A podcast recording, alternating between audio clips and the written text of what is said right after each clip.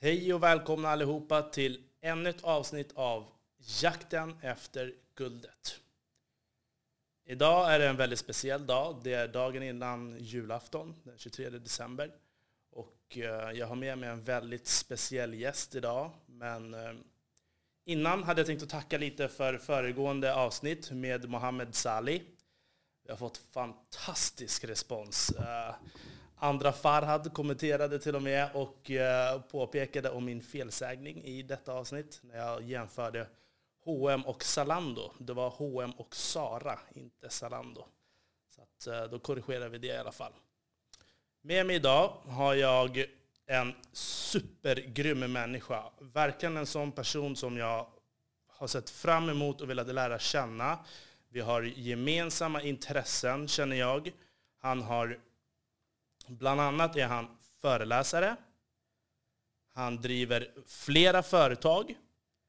Han har fått kompassrosen ifrån kungen det här är en superinspirerande människa. Han har drivit upp massa barnhem. Han har tagit fram sjukhem. Hej och välkommen Michel Issa. Hur står det till? Tack så mycket Arbon. Det är bra faktiskt. tack för inbjudan. Jag tycker verkligen att det är superspännande att ha med dig här. Du har gjort en fantastisk resa och du verkar också vara rätt ung. Kan du berätta lite om din bakgrund? Uh, jag kallas ju för munken som blev multientreprenör. Det innebär att jag driver flera olika företag och projekt. Och att jag levde ett liv som en munk. Så jag var uppfostrad i Sverige. Och när jag var 15 år gammal åkte jag till Syrien. Var där fyra år. Och sen sex år i England. De tio år pluggade teologi och levde typ munklivet. Det innebär mycket meditation, mycket städning, mycket hjälpa andra samt ta på mig en svart klänning. Svarta klänningen symboliseras eller innebär att jag dör från alla materiella världsliga ting till att viga mitt liv till att hjälpa andra. Så det innebär, idag som entreprenör är pengar en stark drivkraft för mig. Och eh, jag vill inspirera andra också. Men det är inte min primära drivkraft. Utan min primära drivkraft kommer från det här munklivet som jag studerade och levde det är att kunna vara orsak för någon annans lycka. För hjälper jag någon annan att lyckas så lyckas jag. Det är, vill, det är där jag vill inspirera andra också.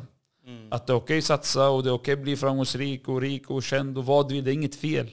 Men snälla glöm inte din utsatta medmänniska. Så om man analyserar mig på sociala kanaler så förstår man någonting. Michel, det är, Michel Lisa, det är entreprenörskap och välgörenhet. Mm. Det är de två världar jag brinner för. De två jag vill inspirera. Så idag jag driver olika företag. Vissa går jättebra, vissa går jättedåligt. Och jag föreläser och jag har en hjälporganisation. Mm. Kan du berätta lite mer? Eh, du har ju haft en hel del tuffa tider. Jag har lyssnat nu på en hel del poddar som du har varit med i. Uh, bland annat, eh, tidigare har jag hört Framgångspodden, Businesspodden, Syrjojo-podden. Ganska många. ja, men då har varit med en hel del. Och, och, det är det som är svårt när man ska träffa någon som har varit med i så mycket poddar, att mm. försöka få fram ett bra samtal som samtidigt inte påminner om allt annat. Mm. Bra. Uh, vad, du nämner mycket att pengar ska inte vara den ultimata drivkraften. Mm. Kan du berätta, och så säger du också att om du säger att pengar är den ultimata drivkraften så är det fel. Kan du berätta, vad menar du med det? Till exempel, eh, när jag föreläser eller är mentor eller folk blir inspirerade och säger att okay, varför vill du bli entreprenör? Till de som vill bli entreprenörer. Och då säger de att jag vill bli ekonomiskt oberoende. Det är orsaken. Då blir jag lite rädd. Och det är svar jag ger till dem varför jag blir lite rädd. Och svar på din fråga varför det inte ska vara primära drivkraften. Det är för att då är det en stor möjlighet att du kan bli utbränd, du kan bli girig, du blir inte nöjd när du lägger pengarna som primära drivkraft. För att när du kör primära drivkraften, först och främst det kan ta lång tid. Det är inte säkert. Det kan bli huvudvärk. När blir du rik? När blir det mycket pengar? Är det en miljon per vecka? Är det tio miljoner? En miljard? Och problemet är att jag, jag känner personligen ganska många och jag ser hur många nyblivna, hur snabbt det går när de vill ge upp eller bli utbrända eller bli deprimerade eller blir inte nöjda. Så man ska alltid sträva efter utveckling. Men man ska alltid vara tacksam. Och så därför pengarna brukar jag alltid säga absolut en stark drivkraft. Men inte primär. Så, och tro mig, det är då pengarna kommer. Gör någonting du älskar, du brinner för, du tycker det här är roligt. Det finns en mening med det här. Det här är jag duktig på. Pengar kommer förr eller senare. Men ligger det som primära, sällan, alltså det kommer bli tufft för dig. Men slutändan, alla har sitt liv. Alla har sina åsikter. Vissa säger nej, det ska vara pengar som ska vara primära. Absolut, kör på. Mm. Om du mår bra av det. Men det är min filosofi, det är min analys och det är så jag lever mitt liv. Och det är så jag vill inspirera andra också. Så att dina företag, alla, alla företag som du driver, är det också liksom du känner samma passion i företagen som du gör för eh, till exempel dina välgörenhetsorganisationer och så, eller? Mina företag eller organisationer, vad- jag förstod inte din fråga. Alltså, du driver ju flera företag. Ja, Känner du rätt. samma passion för de Ah, okej, ja, företagen? ja, ja, ja. Helt rätt. Så eh, samma sak där. Eh, min starkaste egenskap samt svagaste egenskap det är att jag, gör, jag är snabb. Säger du till mig en bra idé, jag kommer förverkliga den imorgon. Så jag bara kör på. Men samtidigt har jag lärt mig, det handlar inte bara om att starta och, och köra på. Det handlar om att ta hand om den, utveckla den, avsluta etc. Så det har jag lärt mig. Liksom. Jag kom upp som max 17 företag på ett och samma år. Och du ska ta hand om allting, redovisning, fram, papper, bam. Och det gör att det blir en soppa sen. Så nu har jag skärt ner till 12 det här året och till nästa år har jag kommer ha sex. Sex företag som jag verkligen brinner för. Jag är duktig, jag tycker det är roligt och det här är verkligen, verkligen jag brinner för. Mm. Eh, så det, det, det, det är en del av passion. Och, och sen pengarna i företaget är också viktigt såklart. Men som vi diskuterade det förrgår, det finns två slags personer. En person som gör ett jobb, som är anställd, tjänar okej med pengar men gör någonting verkligen han eller hon verkligen älskar. De tycker det här är roligt. Så har du en person som tjänar riktigt bra med pengar per månad men mår inte bra av jobbet. Precis. Och gör inte någonting han eller hon verkligen tycker om. Vem är mest lyckligast? Självklart han som vill göra någonting han tycker om. Så jag vill komma fram till, ja pengar, till det som, jag, jag är inte emot pengar, jag är för. Ingen människa, medmänniska kan säga pengar är inte viktigt. Precis. Då ljuger du. Mm. För pengar behöver för att hyra, betala mat, kostnader. Och sen tro mig, jag vet att pengar inte skapar lycka som många säger. Alla förstår det. Men pengar förenklar. Pengar ger fler möjligheter i livet. Jag kan fixa lycka Så- om jag har pengar. Så, så pengar, för min del, när det gäller lycka, nej jag tror inte på det alls. Jag personligen. Men pengar förenklar 100%.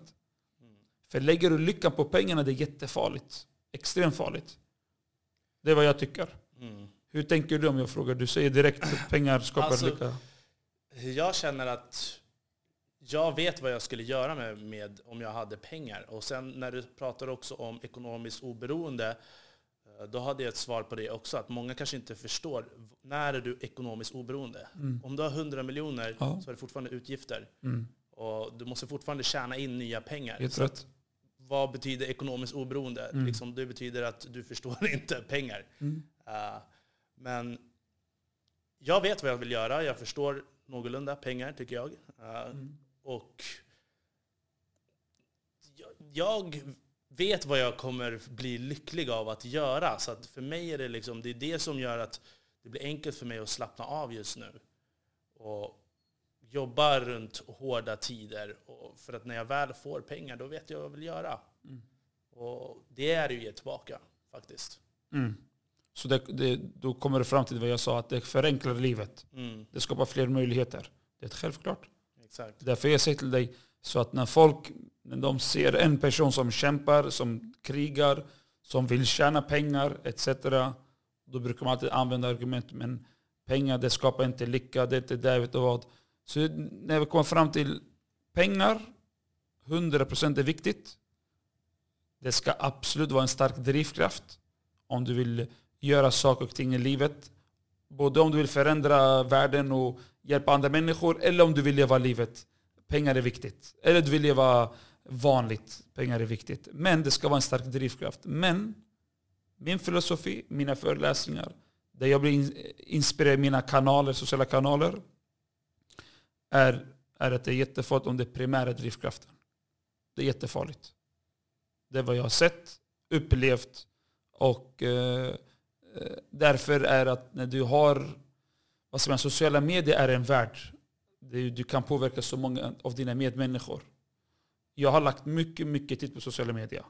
Mm. För jag vet att det här är en värld jag kan påverka, jag kan inspirera, jag kan involvera mina medmänniskor. Så därför är att det jag vill inspirera folk, om man analyserar mig, är verkligen det här att har du någon idé, vill du satsa, vill du lyckas, kör på. Men önskemålet jag har, det jag visar genom mina handlingar, glöm inte dina utsatta medmänniskor. Mm. Och sen är det ju mer du ger, desto mer får du, ju mer du får, desto mer ska du ge. 100% har jag på det här. Vissa kallar det för karma, jag tror på välsignelse. Mm. Jag tror på det jättemycket. Så vill du bli rik, kör hårt. Men snälla glöm inte dina medmänniskor. Det är bara önskemål. Och det jag försöker inspirera mig genom mina handlingar eller sociala kanaler. Du har ju också berättat, jag kan ju säga också till lyssnarna som kanske inte vet vem han är. Michel Issa har ju närmare 500 000 följare på Instagram och ett extremt stort nätverk på LinkedIn. Uh, du har berättat också i tidigare poddar att man måste ha en seriös plan när man startar sociala medier och att man måste tänka på att det kommer både gott och ont. Mm, kan du berätta lite om, om det? Mm, Vad har du fått utstå? Uh, Aha, okay. det, det, det är självklart. Kolla. Vill man inte ha huvudvärk, jag brukar alltid säga, vill man inte ha huvudvärk, vill inte någon ska störa dig, eh, eller någon ska göra dig illa, eller prata illa, eller skicka illa, var hemma, kolla på Netflix, ät chips och jag vet inte vad. Ingen kommer bry sig om dig, jag lovar. Mm. Men vill du börja förverka dina drömmar, vill du välja på, börja påverka, börja synas, börja förändra. Folk kommer börja se. Många, många kommer bli glada och uppskatta och motiverade och inspirerade och du är så grym. Och det är jätteroligt. Det är den bästa känslan jag har. När en person säger till mig Mischa, du har gett mig en tankeställare, jag, jag tror på mig själv mer. Eller tack för den här, det är bästa känslan. Jag får en sån kick. Mm. Men samtidigt finns det jättemånga som stör sig. Många som inte gillar det jag gör. Och det, det tog jag jättepersonligt i början. Jag blev lite arg och ledsen och stressad. Och varför? Speciellt när den här Flashback kom ut, den här tråden, vem är den här tomten Misha Lisa? Och man ser kommentarer, så kommer exponera en rasistisk hemsida, en bild på mig med en al-Qaida-ledare och det är där han får sina pengar, han heter Isa efternamn. Och värsta kaoset, så fick jag många mail. Jag bara, vad är det som händer? Jag är öppen, jag försöker göra det gott. Och jag är driven. Jag har ingen balans, jag kör bara på det här jantelag, sånt jag kör bara. Varför större folk? Och då pratade jag med min bror. Min bror sa något jättefint till mig. Han sa Michel, alla har rätt att sina åsikter. Alla ska tycka om det du gör är rätt och bra. Vissa tycker det är bra, vissa tycker det är inte bra. Det har hjälpt mig så mycket. Varför? För att jag har lagt av med att använda ordet hater. Nu ogillar jag mycket de som använder ordet haters. Så här, de lägger citat, oh, haters bara det här, haters. Säg inte, istället för haters, säg missförstånd. Jag lovar. Det är folk som bara har missförstånd bild. För du gör så mycket, jag gör jättemycket. Ändå är jag är i Syrien, sen är jag i Dubai. Jag är i Monaco, så åker jag till Irak. Jag åker till, tjänar du pengar genom välgörenhet? Gör du det här för att synas? Ingen, de, för de dömer det direkt utifrån bilder. Jättefå människor kollar upp, okej, okay, hur tjänar han sina pengar? Vad gör han? Är han entreprenör eller är välgörenhet? För de hänger, det går så snabbt. Så i, i början av min resa var det mycket, mycket förvirringar mm. missförstånd. Men då lärde min mamma mig någonting från ungdom, när jag var barn. Förlåt. Då sa hon, låt dina handlingar visa vem du är.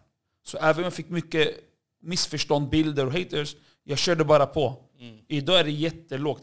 Det är faktiskt jättefå som får missförstånd, för nu börjar de förstå vem jag är. Mm. Och han är entreprenör, han satsar på sitt företag, han vill lyckas, han kör det här ekonomiskt, men också brinner han för att hjälpa sina medmänniskor. Mm. Och det här gör han helt i det exempel. Förstår du? Så det blir, nu börjar man förstå det. Mm. Så sociala medier, istället för att använd missförstånd, folk kommer större. Sen att vissa, tyvärr, vissa människor mår bara dåligt när det går bra för dig. Eller mår bara dåligt när folk tycker om dig. Så får jag jättemånga likes och kommentarer. Vissa stör sig. Och, det är, och de kan behandla det illa och det är okej. Okay. Jag tog det förut personligt. Varför, varför vill folk illa? Och då sa min bror också något fint tankeställare till dig som nu kanske satsar på sociala kanaler. Var en där. Eller någon som alltså, vad säger man, behandlar dig illa eller motarbetar dig. Mm. Då tänker man att i slutändan den riktiga offer är inte du. Det är personen själv. Ja, Personen mår säkert dåligt eller går igenom någon tuff period och därför trycker ner dig. Så sociala kanaler är en jättestark redskap. Men går man in i den världen och man vill satsa och kunna påverka och ta en plats. Det kommer vara mycket fina grejer men det kan ge lite huvudvärk. Så det gäller att ha stark och en bra mentor och en bra team runt omkring sig. Som man kan prata ut med och få stöd och så. Precis. Var, jag ville prata om mentorbiten eh, lite senare. Absolut. Eh, men eh, hur, hur känns det att ha så stora medier och ha en sån stor makt? Och har det varit någon skillnad liksom, när du har haft lite mindre antal följare, när du har fått hatare och har du blivit tvungen att liksom Passar dig mer för vad du säger när du har så stora medier Så sån stor power? Nej, alltså jag, jag, jag är mig själv till 100%. Och jag har alltid försökt, brukat säga, ha en röd tråd. Folk ska inte känna att det är som en, sån här, en flummig person. Ibland lägger man det här och sen lägger man det. Man vet inte vad man har. Så, så, så man ska försöka ha röda tråden. Vad är det egentligen du vill? Är det, är det bara att du vill bli känd? Vill du bara ha många likes? Det är ganska enkelt. Köp eh, för 10 kronor, du kan få 100 000 likes om du vill ha. Så det, det, förstår du? det handlar om vad är syftet? Att bara bli känd, att påverka, inspirera. Vad är det för någonting? Och jag har tydlig röd tråd. Det är det här jag vill inspirera, det här jag vill påverka. Och sen är det att man uh, kör på. Men man ska också veta vad man ska gå in på och inte, och inte gå in på. Till exempel mina sociala kanaler, jag har varit aktiv nu i många år, har jag aldrig gått in i politiska sammanhang och diskussioner. Det är någonting, först jag är inte duktig, så, duktig på det där. Och det andra det är onödigt. Så ibland, även om någon vill gå in eller vill säga någon åsikt, det är onödigt så jag går inte in. Så min grej är inte det. Till exempel det har jag gjort en aktivt val. För en gång faktiskt gjorde jag det. En gång var det. Och det var värsta diskussionerna. Då såg jag shit vad är det som händer? Så politiskt går jag aldrig in. Säger min åsikt om viss grej som det är lite onödigt. Religion då? Förlåt? Religion då? Religion. Jag är öppen att jag själv är religiös. Eh, Jag är kristen. Eh, Det har jag varit öppen med i min bok eller för, i inlägg. Men inte så att jag missionerar och jag vill all, alla andra ska bli kristna. Mm. Tvärtom. Jag är bakom något som heter We Are One-galan som är Friends Arena. Det är min jobborganisation. Och eh, syftet med hela den är att samla alla slags människor. Det är inte pengar utan det är att samla människor tusentals i den här galan. Så att vi alla medmänniskor markerar oavsett religion, etnicitet eller bakgrund. Alla vi är ett. Mm. Och jag som är religiös, jag tror på att vi alla är Guds barn. Så om jag verkligen är religiös, en bra religiös. För vi har alltid, varje företag, varje familjegrupp, varje organisation, varje folkgrupp, religion, vad du vill. Du har alltid fina människor och mindre fina människor. Positiva och negativa. Du har extremister som tycker, kollar ner på andra. Och du har folk som verkligen förstår religionen som handlar om kärlek och tänka ett större vi. Jag personligen jag tror på Gud. Jag tror vi alla är Guds barn. Det innebär att vi alla tillhör varandra. Vi är behov av varandra, vi kompletterar varandra oavsett bakgrund. Så mina närmaste personer. Jag har till exempel eh, en alban jag har, som muslim. Jag är marockan, också muslim. Jag har en eh, eh, indier, han är hindu. Eh, jag har, alltså, jag har eh, en, en eh, jude. Och jag har många, många ateister. Och jag själv är kristen. Ja, liksom, Alla de här vet jag är troende, jag, vissa av dem är troende, vissa är inte. Det är okej. Men vi tycker om att vi vill varandras bästa. Och det är exakt det här jag vill inspirera folk för. Faktiskt, nu du som hör, även om du är religiös eller inte. Men speciellt, vill du utvecklas ska du tänka ett större vi än vi och dem. Oavsett om du är religiös eller inte. Så är du religiös, var, var religiös. Men låt inte det där begränsa dig. Och börja tro att alla andra är mindre värda för de inte tror som du tror. Det är jättefarligt. Och till dig som inte tror på någonting, tro inte de som är religiösa är, är eh, eh, trångsynta eller hjärntvättade. Jag, jag är religiös, jag är inte hjärntvätt. Jag är jättemodern av mig. så, så jag kom fram till slutändan, tro på vad du vill, gör vad du vill. Men slut, snälla glöm inte, vi alla tillhör varandra, kompletterar och behöver varandra och det är kärleken mellan människan. Och sen, eh, det, det mest intressanta, eller inte det mest intressanta, men en väldigt intressant grej, det är hur kändes det och hur gick det tillväga när du fick den här kompassrosen ifrån kungen? Du fick en utmärkelse. Ja, Kompassrosen det ges ju varje år tre olika kategorier. Nu har de ändrat systemet. Jag tror 2000, Jag tror för, för förra året ändrade de lite på systemet, men då var det tre kategorier, tre personer. Och då fick jag igenom näringslivet, årets unga ledare om näringslivet. Och blev nominerad, och så var det många intervjuer och sitta och fram. Och det var en jättestor grej faktiskt. Jag är jättetacksam. Öppnade många dörrar och det var en hel annan nivå för min del. Att få en, av själva kungen, vara i slottet, sen bli bjuden minst en, två gånger per år. Vi samlas. Eh, fick träffa andra eldsjälar, förebilder som har varit nominerade eller fått utmärkelse. För det handlar inte om, det är ingen tävling, att bara, det, är en, det är en stipendium. Så det är, eh, som kallas för Kompassrosen då. Och varje år kan man nominera någon sånt. Och idag finns det många fina ledare, så jag blir glad att folk som nominerar andra också. Så jag är bara glad att folk, det fanns flera som hade nominerat mig. Så jag är tacksam för deras kärlek. Så det, det, är, en, det är något jag är jättestolt över, för det är en bekräftelse att jag har gjort bra saker och att jag är på rätt väg. Mm. Så det är varje utmärkelse jag får eller, eller någon grej är jag tacksam över. Och så tvingade du dig fram på Marcus Wallenberg också. Ja, ja. kan du berätta Helt lite? Rätt. Ja. Vad roligt. Det var, jag, jag, jag är ju stark för det här med nätverka och att det är en nyckel för framgång. Jag brukar säga ingen bryr sig om hur mycket pengar du har eller vad för utbildning. Det är jättestarkt. Jag tror på det jättestarkt. Mm. Speciellt de här seriösa människor. Jättesällan någon frågar hur mycket pengar eller utbildning. Allt, allt bok som handlar om vem du känner, vem som känner dig, känner varandra. Det är nätverk. Mm. Du kan få utmärkelse, du kan få kunder, du kan få vad du vill. Jobb, vad du vill kan du få genom ett nätverk. Så jag började nätverka ganska mycket och Marcus Wallenberg, jag var bjuden på Guldklubban i Grand Hotel, Spegelrummet. Och då fick jag ställa längst bak, han satt längst fram där i bordet. Och så tänkte jag shit, jag måste lära känna den här Marcus Wallenberg. Uh, han är svår att få tag på för jag, jag, jag satsar mycket på att nätverka. Och jag vill inspirera folk att nätverka. Så att uh, i den bordet fanns det prins Daniel, samma bord som han satt i. Jag trodde att prins Daniel kände igen mig för vi har varit flera event, vi har suttit, nätverkat, jag har tagit bilder. I alla fall, jag gick fram till honom, han dissade mig totalt. Eller han, inte dissade men han var lite kall. Mm. Som, jag bara, det är jag och Michel, vi snackade bam bam. Han var mer så här respekt för han var lite, han, han var ingen, men han är snäll. Mm. Prins Daniel är jättesnäll. Jag har inget åsikt. Nu pratar jag om att, på ett roligt sätt att han var lite kall. Men hur som helst, han bara hej hej och sånt. Men jag tänkte om jag skulle prata med prins Daniel, visa Marcus att jag känner honom, det skulle vara en bra ingång. Men det gick inte så bra. Men sen pratade jag med Marcus, jag bara hej Marcus, jag, du vet att jag vill bjuda dig på lunch, jag har skickat flera mail till dig, jag har inte fått svar. Och det väcker intresse, det är så jag, jag går alltid rakt på sak. Mm. Istället för att sitta och säga hej, du är inspiration till mig, du är en förebild. För det har han hört så mycket. Hela tiden. Och eh, då går jag rakt på sak alltid. Du verkar vara grym, vi gör, ett vi gör en win-win grej. Låt oss göra någonting med varandra. Och då brainstormar vi. Men i alla fall, då var det så. Och då sa han direkt, vem är typ egentligen du? Så då hade min bok kommit ut. Jag bara, jag är munken som blev multientreprenör. Det handlar om min resa. Och så när jag, gillar nätverk, jag vill, jag vill lära känna dig. Kan jag bjuda på något? Du kan vara med mig sitt visitkort. Jag bara, om jag skickar, du kommer svara. Han bara, om jag skickar, då tog jag en bild i alla fall för säkerhetsställa. Och så skickade jag bilden, jag bara, det är jag och Michel. Så, då svarade hans assistent Laura Berfolt. Och sen blev jag bjuden till hans huvudkontor, SEBs huvudkontor. De äger ju SEB och sånt. Mm. Och så satt jag med honom och då fick han min bok och vi lärde känna varandra och tog en ny bild med honom. Och det så är det för att du vet, man ska aldrig underskatta så nätverk. Den ger dig möjligheter som inte du kan drömma om.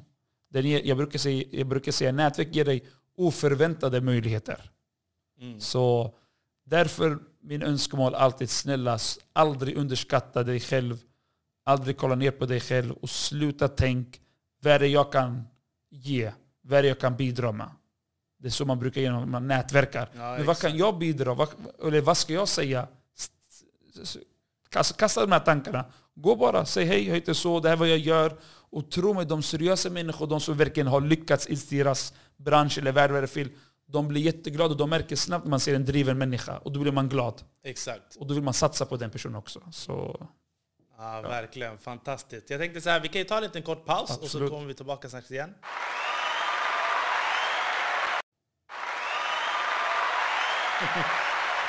ja, verkligen supernice. Det är precis som du säger. de som är uppe på toppen, de märker på en gång om det är en driven människa. De struntar i vad du har att säga egentligen, bara att du vågar komma fram. Och, Helt rätt. mm. Alltså, så du... nej, jag är fortfarande... Alltså, att du vågar rycka tag i de största. Mm, eller?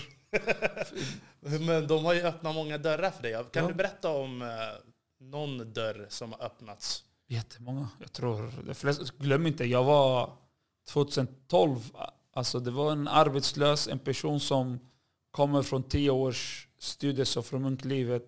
Ingen rik familj, ingen känd familj. Jag har inte studerat någonting med det här att göra. Och inom ett halvt år lyckades jag bygga ganska mycket. Alltså när det gäller nätverkande då. Mm. Och sen genom nätverkandet, det var då jag började få in mina kunder. Jag började få ut mig. Så att, exempel vad jag fått genom nätverket. Vi kan börja från utmärkelse till exempel.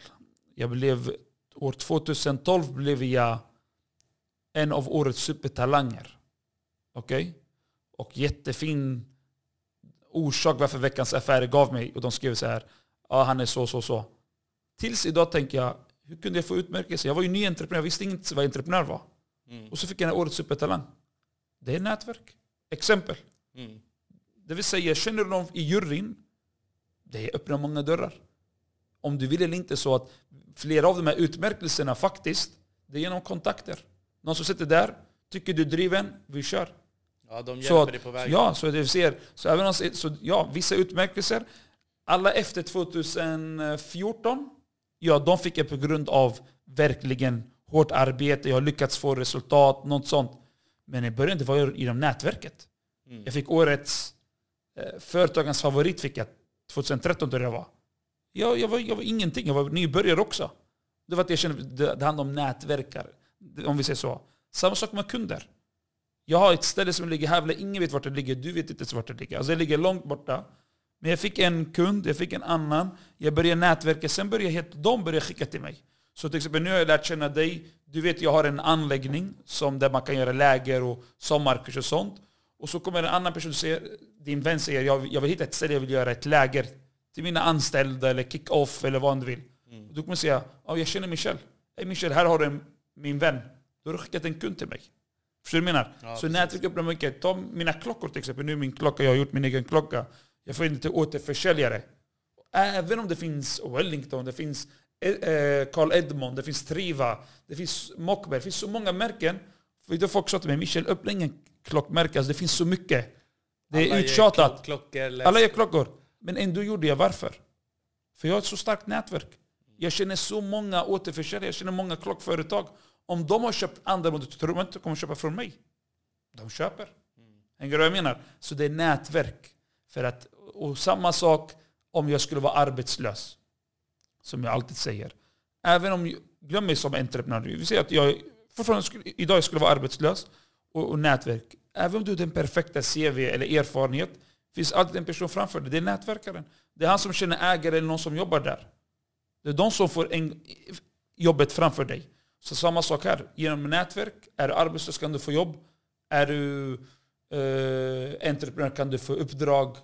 Eh, och sen glöm inte, nätverk ger mycket fler än så. Inte bara de här grejerna. Det ger också erfarenhet. Eh, du lär dig från andras kompetens. Du utvecklas, din karaktär förstärks. Det finns så många fina grejer.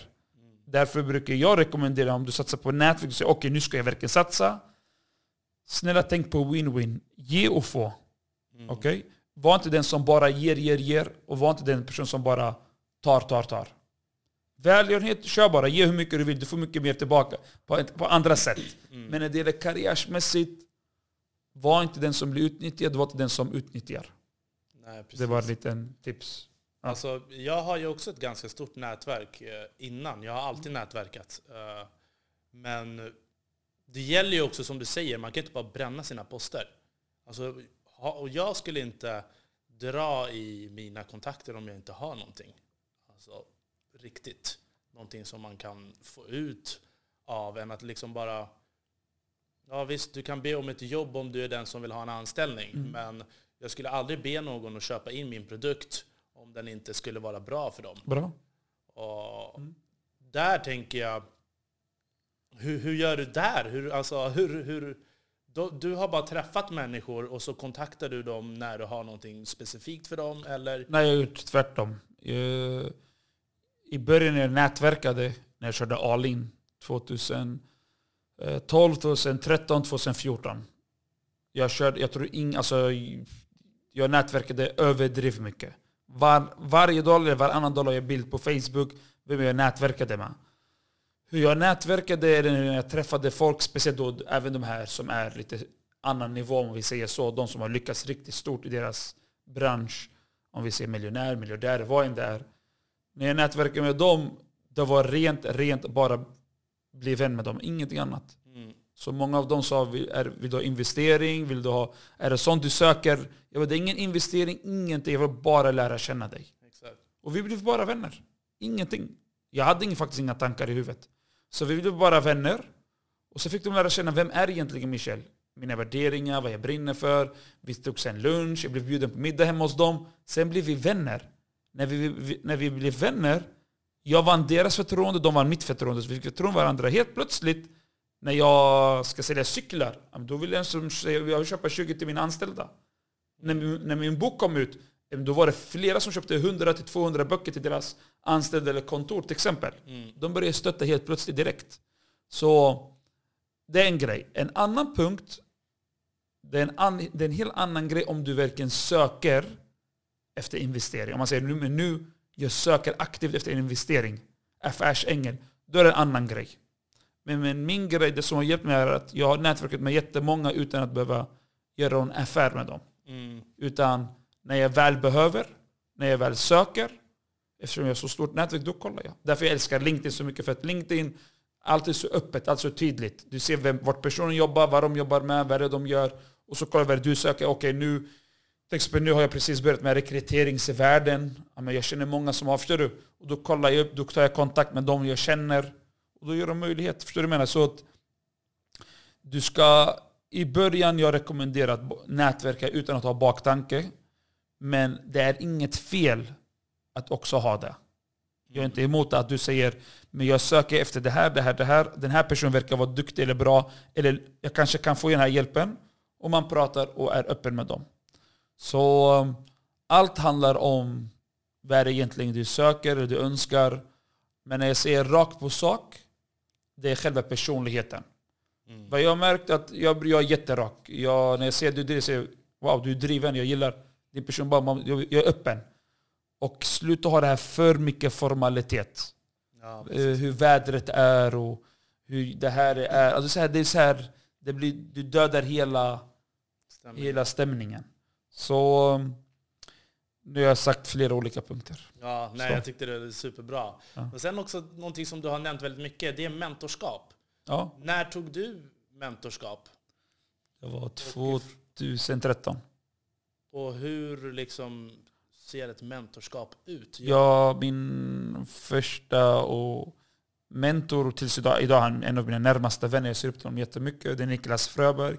Han är grundare, ordförande, ägare till uh, Tre Kronor Media, sitter i flera olika styrelser. Mycket, mycket respekterad person. Mm. Han var min mentor. Och då sitter vi med, med varandra och mentorns uppdrag handlar om att stötta, uppmuntra dig, Eh, hålla till svars om du gör något fel. Men även kolla på kassaflöden, hjälpa till, kolla hur det går. Förstår du? Och det hjälper ganska mycket faktiskt. För att jag brukar alltid säga att vi alla har våra svåra stunder. Ingen har ett perfekt liv. Så du måste ha någon du kan prata ut med. Och du ska inte prata ut med vem som helst, för den personen kan använda det emot dig. Så därför rekommenderar jag, jag har alltid fyra tips jag brukar ge. En av dem är alltid det här mentor. Ha en mentor som eh, du kan känna dig bekväm med och du vet att den här mentorn vill verkligen ditt eget bästa. Så ja, jag är mycket för det här mentorskap. Men när ska man ta mentor? Behöver man vara på en viss punkt? Nej. Som man har nått en viss... Nej, du kan vara en nybörjare, du kan vara en jätteframgångsrik och lyckad. Eh, alla behöver mentor. Mm. 100 procent. Sen finns det olika mentor. Det finns andlig mentor, affärsmentor, sådana grejer. Coaching, sådana grejer. Men mentor, om jag ger tips till någon som exempel, vi säger någon entreprenör, företag, vi säger affärsmentor. Sen handlar det om vad är det du vill lyckas. Vill du lyckas inom eh, produkt, inom eh, tjänst. Det beror på vad du vill. Och säger du att jag vill lyckas inom produktvärlden, då skulle jag rekommendera att hitta någon erfaren mentor än en kunnig mentor. Det innebär, för det finns en citat som säger fråga någon som är erfaren än en som bara är kunnig. Så en som har gjort resan än en som bara har läst om resan. Samma sak, som allt i livet. Samma sak med mentorskapet. När jag säger om det här mentor. Det finns vissa som har studerat och fått utbildning att vara mentor. Jag har den här diplomen, jag är certifierad här mentor. Det är respekt, jag är inte emot det faktiskt. Stort respekt. Men jag personligen vill hellre ha någon som har den här erfarenheten i produktvärlden, vad det är för någonting. Så när jag vill ha en mentor, så tips till den här som vill söka efter en mentor, sök efter någon som har gjort eller som gör den här resan du vill bli involverad i. För jag tänker, vi säger så här, om jag ska jämföra med mig själv då. Ordet mentor känns så tungt. Det känns som ett riktigt beslut och du måste leverera och du måste ha någonting direkt framför dig som du liksom kan presentera vid varje möte till den här mentorn. Mm. Det är det som gör det lite läskigt. Och eh, precis som du säger, man vill ju hellre ha någon som är erfaren och, och sen kanske också ha lite samma personlighet så att man förstår hur man är. Själv är jag också ganska snabb, så som du säger, att du är snabb, du kan starta saker, mm. du, du, är en genomförare. Och då, då blir det svårt om man har en lite mer tillbakadragen person som kanske är eh, grön mm. eller blå. Mm. Utan, för jag passar nog bättre med en röd, till mm. exempel. Uh, vad, vad, vad är tankarna kring det? Liksom? När ska man Behöver man alltid vara rädd för det eller ska man liksom försöka rycka tag och säga som det är? Det är självklart som du säger, det är som allt annat. Man ska alltid ge det en chans. Man ska inte komplicera. Eh, mentorskap är inte det här. Sen är det många olika slags mentorer. Vissa mentorer är jättechilla och vissa är mycket detaljerade. Och det, som, det finns många olika. Så jag tycker att man ska ge det en chans. Mm. Hitta en mentor. Jag rekommenderar alltid det så starkt. Det hjälper så många människor. Och sen är varje mentor sin. Jag, tycker, jag har min mentorsprogram, jag har det varje år. Det är 20 personer, jag tar bara max. Jag träff, det är en träff per månad. Mitt sätt är att eh, jag får höra vad personen, vad är önskemål, kortsiktigt, långsiktigt. Min uppgift går ut på att jag ska göra konkreta grejer till personen. Konkreta tips, råd och förenkla mycket punkter okej, okay, det här ska vi göra kortsiktigt, det här är det långsiktiga, max ett år när jag säger långt, inte 10 år, 20 år. Mm, mm. Och kortsiktigt menar jag nu, inom den här månaden. Och det har gått riktigt bra. Både för de som är och det jag är. Det känns bra. Mm. Så med alla olika saker hur de lägger upp sin plan eller mentorsprogram. Alltså. Men hur, hur, har du tid med 20 stycken per mm. år? 20 stycken, ja. Så ett möte i månaden. Ja. Och, ja.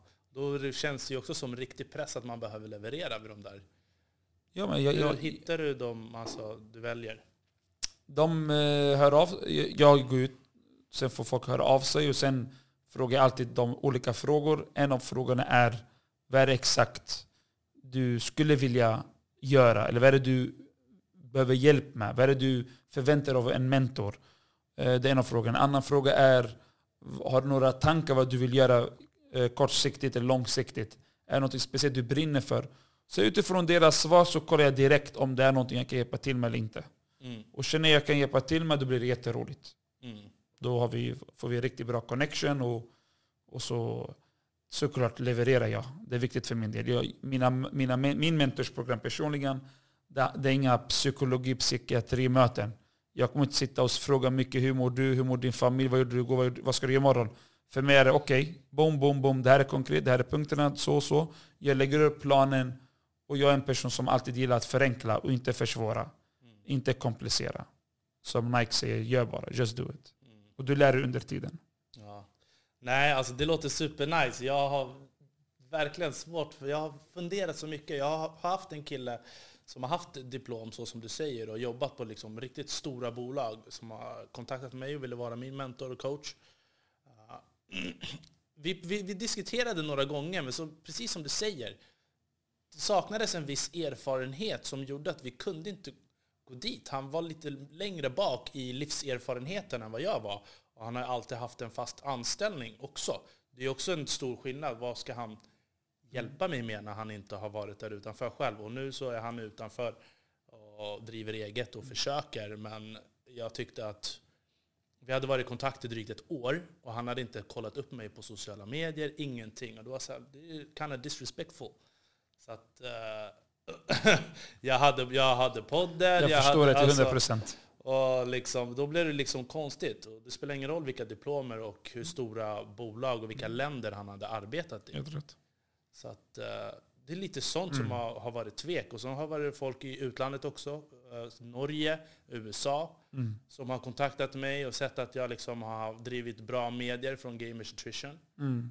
Men det gäller ju att välja rätt också. Såklart. Du måste så. vara jättevaksam vad för slags mentor eller rådgivare du, du väljer. Mm. För den personen kommer veta mycket, mycket saker om dig. Och den personen bör stötta, upp men även hålla till svars. Och du ska känna dig jättebekväm att kunna prata ut med den personen. Så jag rekommenderar starkt att man ska ha en mentorrådgivare, men man, man får vara lite försiktig. Mm. Vem, vem är det man väljer? Och man ska, men man ska inte försvåra. Ge en chans. Som du gjorde nu, du satt med honom, du pratade. Och sen du, du, du, du märker ju direkt, är det klick eller inte? Det är som att när du ska gå in i förhållande, först du dejtar och du träffar. Och det är inte att eftersom du dejtat en, två dejt ska du bli ihop med personen direkt. Mm. Nej, du kollar, klickar vi? Känns det roligt? Är det skönt inombords? Och sen kör man all in eller inte. Ja, Samma sak här. Ja. nej, det är svårt alltså. Det är därför jag har den här podden. Ja. Man får träffa människor, man får lära känna människor så här. Och eh, sen får man helt enkelt, jag kommer ju göra sådana här nätverksträffar också. Jag har ju tänkt också på det här när man, jag har gått på väldigt mycket nätverksträffar och bra. workshops. Uh, en del av problemen som jag tycker kan vara där, det är att det är för mycket människor. Mm. Det blir för mycket ståhej. Så att det blir inte liksom den här riktiga, att man lär känna varandra. På. Så att, uh, därför så vill jag nog ordna Bra. lite... Då har, då har du en marknad där du kan göra ändring. Ja, exakt. exakt. Uh, men fortfarande, jag har så mycket att lära mig och jag tycker bara det är roligt. Jag lär mig medan jag springer. Så att, det kommer gå bra. du har viljan och sen du kör.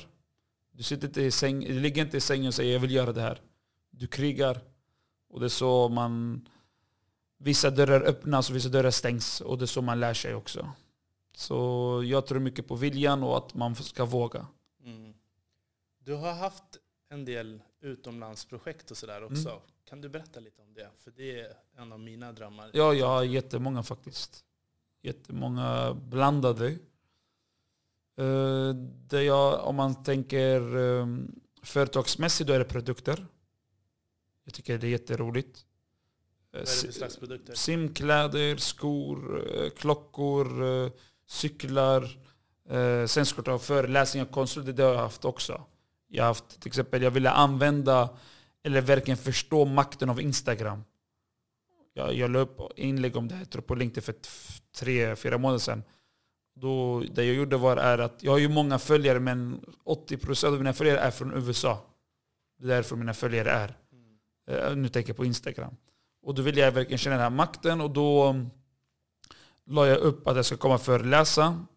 Och inom en månad föreläste jag fullsatt lokal i Manchester, London, alltså England, och sen New York och Los Angeles. Och personer som jag aldrig träffat, men de, som, de ser upp till mig som en riktigt stor förebild och inspiration tack vare Instagram. Mm. Och då kände jag mig riktigt lyckad med att ha Instagram och att jag har den här tiden. Och det gjorde jag genom föreläsningen och det var internationellt. Men sen säljer jag såklart de här produkterna. Sen har jag också min hjälporganisation, också mycket utomlands. Mm. Skolor, sjukhus, eh, hjälpa kvinnor att bli entreprenörer. Så jag gör mycket utomlands. Mm. Eh, och det är roligt. Det handlar om att försöka. Nätverk också där. Samlar du in alltså, pengar och sånt ifrån dina vänner som du känner ja. för att kunna hjälpa till? Absolut. Jag har min hjälporganisation World Active. Och där gör jag både galor, event, men sen gör jag också stora insamlingar på eh, sociala medier. Där jag säger till folk som vill vara med och stötta. Och vi samlar in jättemycket pengar. Varje resa jag gör flera hundratusen minst alltså. Mm. Och, eh, sen är det viktigt när du samlar in pengar, då är det viktigt att vara jätteöppen. Det vill säga underlag på allt det du gör. Så om vi åker till Syrien och säger vi ska göra det här. Okej, okay, vi, vi, jag brukar mjölkinsamlingen, 80 kronor för en kilo till exempel. Mm. Då ska du visa, jag brukar alltid ha minst, minst, minst en, och, en ton till en och en halv ton där vi lyckas samla in pengar. Och sen köper vi matpåsar 250 i alla fall. Eh, det vi gör för att också att göra underlag det är från eh, bilder, video, kvitton, eh, sådana grejer. Allt de här grejerna behövs. Och det är så jag har lyckats vara aktiv inom ideella världen. Eh, sen är det att jag själv eh, står ju också för de här, vad är det, mina kostnader. Är man aktiv i en hjälporganisation, alla hjälporganisationer, kanske finns få som inte gör det, men de flesta, speciellt de här som har etablerade namn, ingen åker i en resa med sina egna kostnader. Alltid hjälporganisation med insamlade pengar man betalar för flygbiljetter, hoteller, det är det minsta man gör.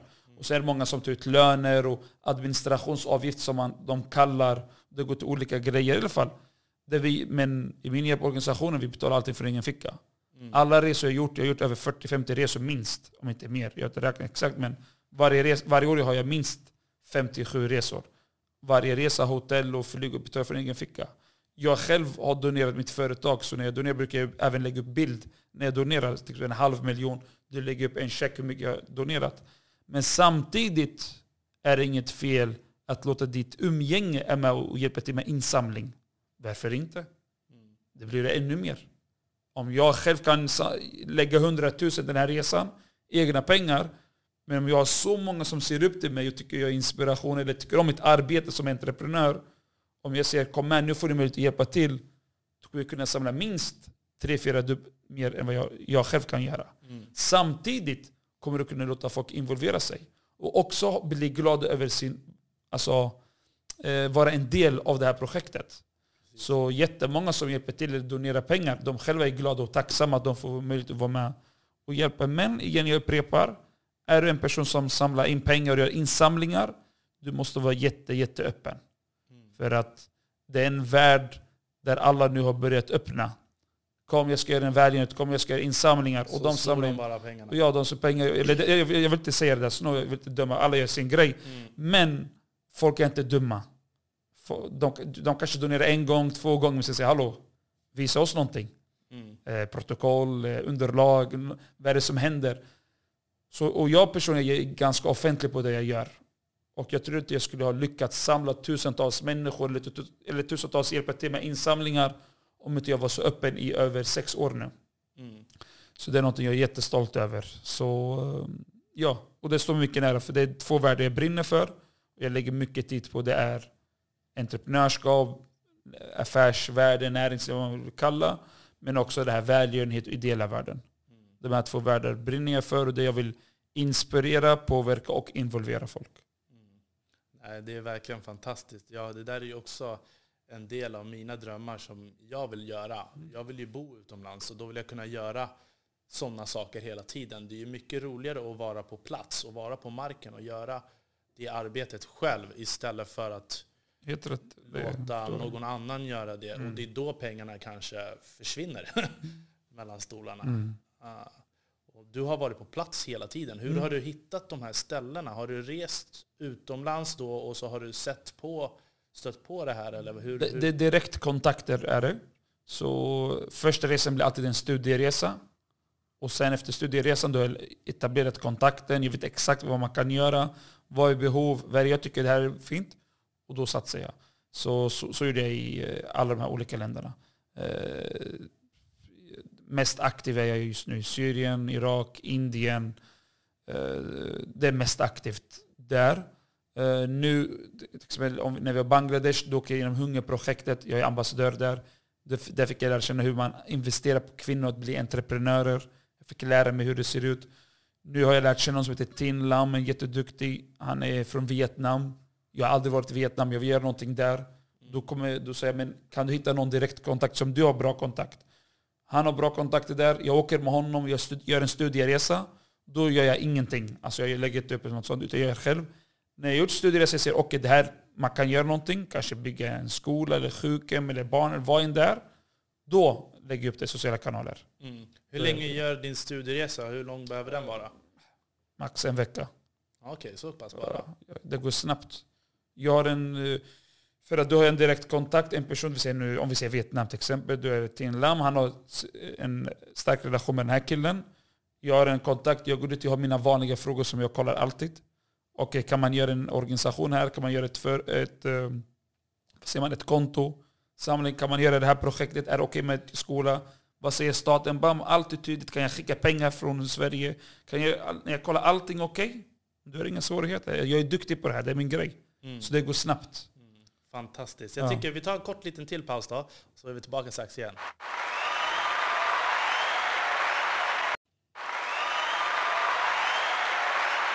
Ja, nej, alltså jag tycker verkligen att det är fantastiskt att du gör de här grejerna och jag vill också komma på hur man gör det. Och jag tycker det är trevligt och det är as-nice att vi har fått lära känna varandra Tack, nu. jag uppskattar det. Tack. För att, eh, Samma. Då vet jag vem man kan fråga och prata ja, om det här. Absolut, absolut. Så att, eh, men eh, vad har du för planer nu framöver då? Nu har jag ju blivit en pappa. Och Grattis. Ja, tack. Jag, är ju jag har en son och kommer få snart dotter. Och som jag, jag prioriterar jättemycket. Det, det, jag har alltid sagt det. Så jag är den här, vad, vad brukar man säga, hemmafru. Jag är hemmapappa. Mm. Jag, är, och jag njuter. Jag är hemma. Mitt liv är, jag, har gjort, jag har lyckats senaste året göra ett flex, mycket flexibelt liv. Jag kan ha mina möten, jag kan göra vad jag vill, när jag vill, hur jag vill. Typ. Mm. Så jag har ingenting som binder mig. Eh, det gör att jag har mycket, mycket tid för familjen. Så mina prioriteringar de här två, tre åren är mycket, mycket på familjen. Jag vill vara med barnen när de är små barn. Mm. Ett, två, tre år. Och jag vill ha en stark relation med dem. Eh, sen har jag min eh, hjälporganisation. Har jag, som vi etablerar. vill att den ska bli ännu mer internationell. Men huvudfokuset om man tänker som entreprenör eh, faktiskt lägger mycket tid på klockan just nu. Mm. Det här året 2020 kommer vara mycket, mycket klockan. Jag kommer åka till många olika länder och få in den. Och eh, det är inte så svårt. Även om det finns så många klockmärken. Men det handlar bara om att jag har två säljande sätt som jag tror ingen säger nej till. Mm. Så därför kan jag få in det vart jag vill. Ja men exakt, så, det är ju klart att du kommer få ja. in dem. Tack. Tack. ja, nice, nice. Men jag tänkte också, du måste ha ett riktigt starkt team om du har klarat av att liksom frigöra dig själv så här på det här sättet. 100 procent. Hur, hur fick du till det här teamet? Jag brukar alltid säga när någon säger vad är du mest stolt över? Jag brukar säga det är inte utmärkelser eller pengar eller vad för någonting. Det är mest stolt över det är mitt positiva nätverk. Speciellt de som är, inre, alltså de som är jättenära till mig. De som verkligen gläds åt min framgång och stöttar mig och de är med mig även under svåra stunder. Teamet jag har är personer... Jag har lärt mig något. Jag hade svårt att ha en team om jag ska vara ärlig. För jag tänkte att ingen kan göra så som jag gör. Och ingen kan göra så bra som jag gör. Och därför hade jag svårt att, att uh, delegera. Uh, jag hade jättesvårt. Jag gjorde det och så tog jag jättearv för personer inte kan göra. Hur tänkte du? Varför gör du så? Är det så svårt? Mm. Och det, var, det var ett problem jag hade. Men jag har lärt mig nu. Jag har lärt mig någonting. Att kunna delegera och ge chans till personer du, du delegerar till. Även om de gör dåligt ifrån sig en, två gånger. Eller tre gånger, men inte mer. De, för att jag var så här en gång direkt, hej då, direkt. Det är så de lär sig. Mm. De gör det lite fel. Okej, okay, marknadsför den här produkten. Eller gör den här, jag vill att du gör den här försäljningsgrejen. Eller nu ser den här. Men, och säga att hallå, du gör så fel. Då, får jag sitta, då, då är jag möjligt att lära, lära personen, utbilda personen, ge möjlighet. Och det är så jag vinner personens förtroende. När jag visar att jag har förtroende för det. Det gör ingenting. Mm. Du gör det inte så bra här, men till den som gör det bättre. Och tro mig, efter två, tre gånger, de gör det jättebra. Och helt plötsligt kan jag börja förlita. Så det som gör mig jättestark är att jag har jättemånga bakom kulisser också. Alltså många som, båda två värdena, både det här världen ideellt, det är jag som syns, det är jag som får uppmärksamhet, det är jag som får eh, artikeln, vad man vill kalla. Mm. Men det är jätte, jättemånga bakom kulisserna. Mm. Så när vi gör till exempel Friends Arena-galan, We Are One-galan i Friends Arena. Tusentals som kommer, värsta showen, det är så riktigt 10 av 10 nivå. Och jag som syns och Mischa Lisa, wow wow. Men vet du hur många det är som är bakom kulisserna? Mm. Ingen vet vem de heter eller vad de gör.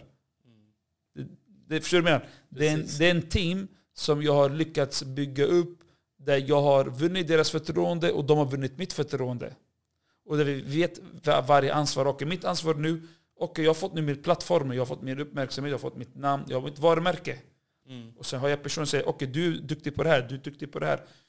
till exempel, du ljuder din grej, filmar i din grej, säljer din grej. Du, det här förstår du? Och delegera. Och det är också ett, ska man vara lite duktig på som ledare.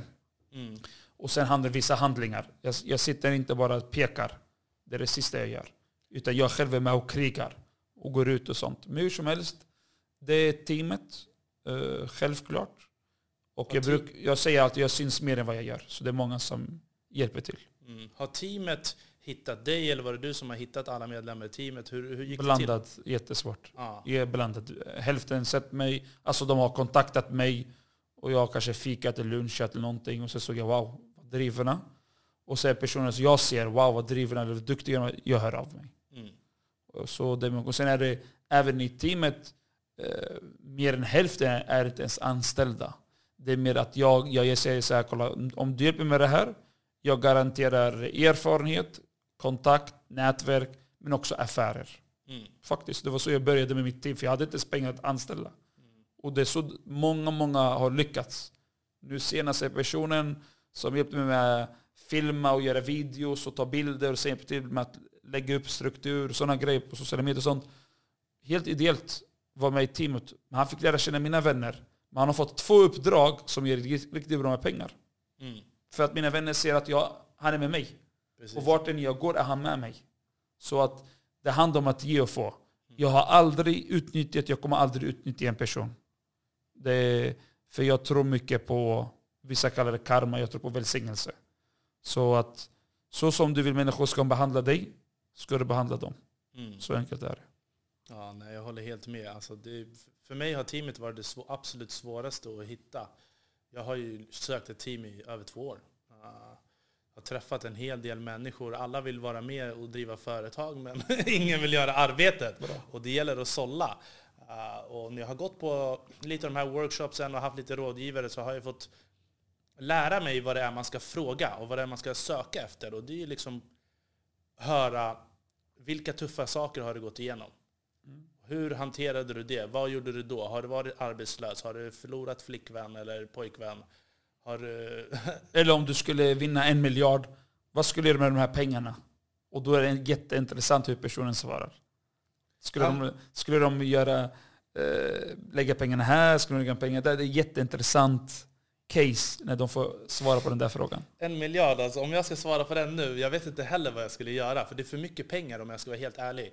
Jag tror att man måste våga hålla i pengarna ett tag för att det är oseriöst att bara slänga iväg det direkt utan att göra sin research och att bara outsourca allting. Utan på de flesta vägar tror jag att man kan göra bättre själv. Liksom. Men jag gillar att vara på marken, så jag tror att jag hade investerat mycket på marken, vanliga människor. Mm. Och sen sådana som Bill Gates och dem, de jobbar ju på de stora problemen och så är de liksom mil ifrån deras projekt. Mm. Har du sett Bill Gates dokumentären på Netflix? Ja, ja. ja. Alltså det är jättefint det vad han gör, men jag hade hellre varit på marken och försökt liksom hjälpa till på en gång. Mm. Fint. Det säger mycket om dig. Och så skulle jag fråga dig många följdfrågor. Och du skulle få ännu tydligare bild på vem du är. Mm. Och samma sak, vissa säger jag ska öppna en, eh, en organisation för djur. För, och du vet, okay, det är en person som brinner för med djurgrejen. En säger jag ska göra det här, en säger jag ska ta hand om familjen. Alla olika svar. Uh, och det säger mycket om människan. Men det som är bra är att den bryter mycket isen. För då får jag möjlighet att ge många följdfrågor. Mm. Så varför vill du göra marken? Varför är människan viktig för dig? Vad skulle du göra då? Sådana frågor blir det. Frågor. Och det är så man lär känna fler personer. Men samtidigt ska man inte lägga mycket tid, om man ska nu rekrytera eller ta in till teamet, mycket på snack. För glöm inte, det finns många, många duktiga på att prata. Mm. Uh, men sen handlar det om att handla. Jag glömmer aldrig när jag skulle hitta säljare till min klocka. Uff, jag, jag satt med så många. De bara, vi är bästa säljare, vi kommer göra så och så, värsta grejen. Men ingenting. Och så fick jag en jackpot-kille, Rickard heter han. Han var så lugn i mötet. Han bara, jag är duktig, så du kan prova så får du se hur du känner. Han bara, du kan ge en chans. Jag bara, vet du vad, jag ska ge en chans. Mm. Han gjorde värsta succé. Hänger du med? Så att det, i slutändan, vissa är duktiga på att prata, glöm inte det. Och vissa vet, underskattar sig själva på att prata. Men de är duktiga när det gäller handlingar. Mm. Och, så det varierar. Så att, att hitta ett team, i slut, slutändan, det handlar om att våga ge personen möjlighet, en chans.